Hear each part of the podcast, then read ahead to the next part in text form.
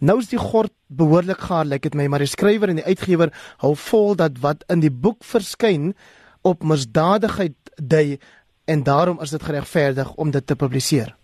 Ja, kyk die wetgewing wat deur die SSA aangehaal word. Eerstens maak nie 'n kriminele oortreding vir Jacques Paul om te uh, rapporteer wat 'n uh, oud agent van die van die veiligheidsagentskap uh van hom gesê het. Eerstens, dan mag dalk in die wetgewing oor SARS mag daar dalk wetgewing wees wat hier uh, verbreek is, maar die hof het dan in vorige gevalle gesê dat mens altyd of in die meeste gevalle moet daar bepaling in die wet ingewerk word om te verseker dat daar in openbare belang wel beriggewing kan wees. In hierdie geval kan dit so geval wees want uh, dit sou heeltemal absurd wees om te sê ons gaan die wet gebruik om te verseker dat niemand enige kriminaliteit kan rapporteer.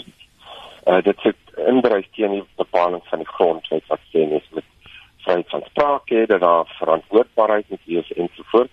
So as ek na die hof toe gaan, wat ek nie dink dit sal ooit gebeur nie, dan sal die hof heel waarskynlik sê wel hier moet daar 'n uitsondering gemaak word en dat die wet verander moet word.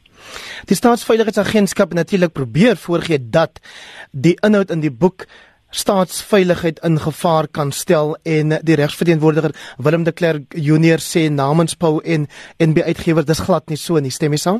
Ja, kyk die boek uh, rapporteer of sê sê dat daar mense in die staatsveiligheid, sluit in die hoof van staatsveiligheid is wat homself aan kriminaliteit skuldig gemaak het.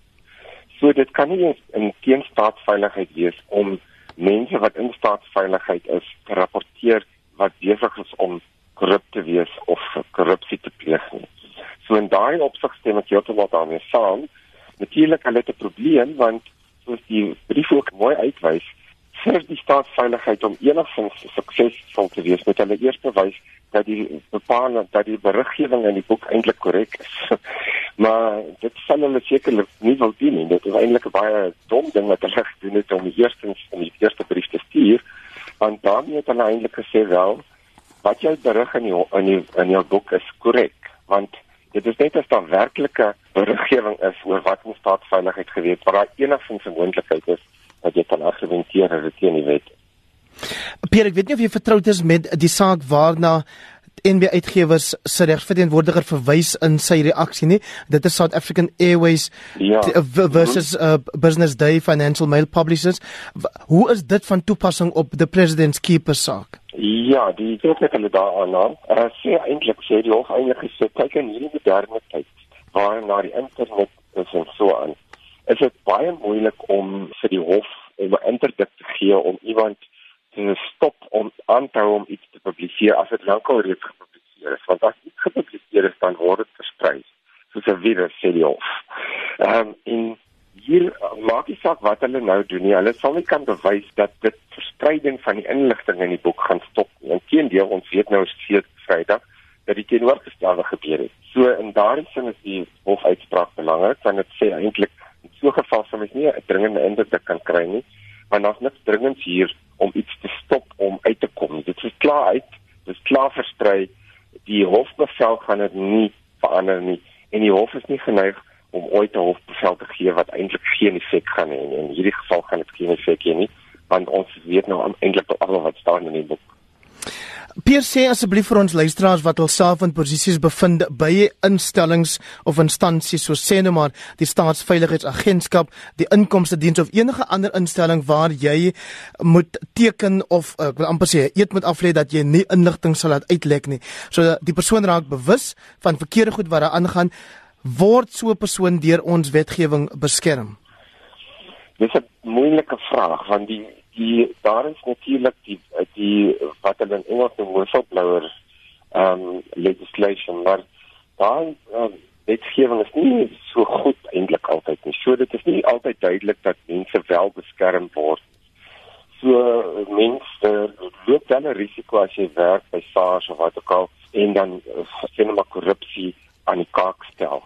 Maar uh, wat dan kan gebeur is jy sal moet hof toe gaan en die hof kry om jou te beskerm want uh, op die wetgewing self is dit nie altyd duidelik dat jy beskerm gaan word nie jy staan 'n kans om jou werk te verloor. Wat Jacques se uh, Jacques anders maak, ek dink die meeste van die mense wat vir hom inligting gegee het, werk nie meer vir SARS of vir die veiligheidsdiens nie. So hulle daar kan eintlik stappe teen hulle geneem word behalwe kriminele uh stappe nie, maar as kriminele stappe teen hulle geneem word, dan moet die uh, SARS of die veiligheidsdiens eers bewys dat wat gepubliseer is korrek is en dat dit wel 'n uitlek van werklike inligting is. So dit is eintlik hulle word in 'n catch 22 gestel of want hulle hulle wil natuurlik sê natuurlik nie wil hê om om hof toe te gaan en te sê wel wat jy alles wat jy in jou boek sit is eintlik alles waar nie. Hulle probeer die ja. teenoorgestelde suggereer. Wel, dit is opvallend dat in die boek sê Paul Engelke die bron van Jacques Paul in Engels, I have to be very careful I'm bound by an oath of secrecy. I'm afraid I cannot say much.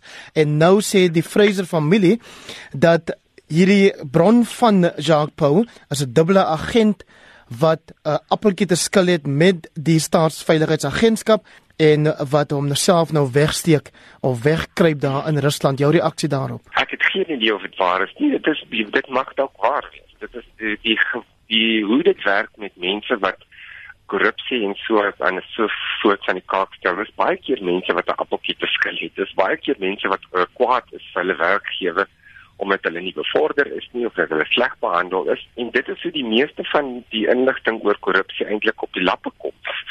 So dit mag dalk waar wees, maar dit bewys natuurlik glad nie dat wat gesê word in die boek en wat hy vir Jacques Pau gesê het nie korrek is nie. Dit is dit sal ons eers moet uh oor die tyd sal ons eers moet leer uh, en moet uh, sien of dit wel so is of nie.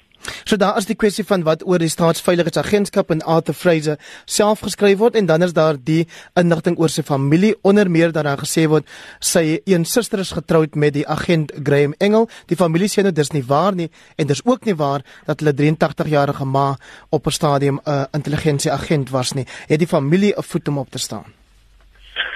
Wel, vir enige iemand wat in die boek aan die kaak gestel word. Enige iemand het die reg om na die hof toe te gaan en dis sê net maar om 'n 'n lastersaak teen die uitgewer en teen Jacques Pau reg te maak. Want as jy nou goed sê as jy nou berig dat mense korrup is, dan belaster jy iemand. Daar's natuurlik nou beskerming vir jou as die persoon wat belaster is, wat waar is in openbare belang of so en dan gaan jy nou nie suksesvol gedagvaar word vir laster nie. Maar dit is heel waarskynlik die beste opsie vir enige iemand wat te nagekom voel die word deur die boek. Uh, dit is om 'n lastersaak te maak wat 'n jaar of 2, 3 gaan vat, maar om het, die nou die boek te stop, dit gaan nou nie gebeur nie want dit is die die ehm um, die inligting is klaar uit en mense lees dit klaar. Pierre en Eensin, wat dink jy gaan volgende gebeur? dit is moeilik om te sê. Ek sou verbaas wees as enige van die rolspelers hof toe gaan. Want as hulle hof toe gaan, dan sal daar die die beweringe in die boek wel voor die hof moet kom. En dit het baie keer 'n negatiewe invloed in die sin dat in steede van om te bewys dat die uh, meeste van die beweringe onwaar is, is dit die geneigtheid om te bewys dat die meeste van die beweringe wel waar is. Alhoewel daar jonges ken goed in die boek wat onakkuraat is, dis maar altyd so, maar dit is gewoonlik nie in die belang van die mense wat belasting word om na die hof toe te gaan nie, want baie keer word hulle net verder, hulle status in die samelewing word net verder aangetast en daar word meer daaroor berig en so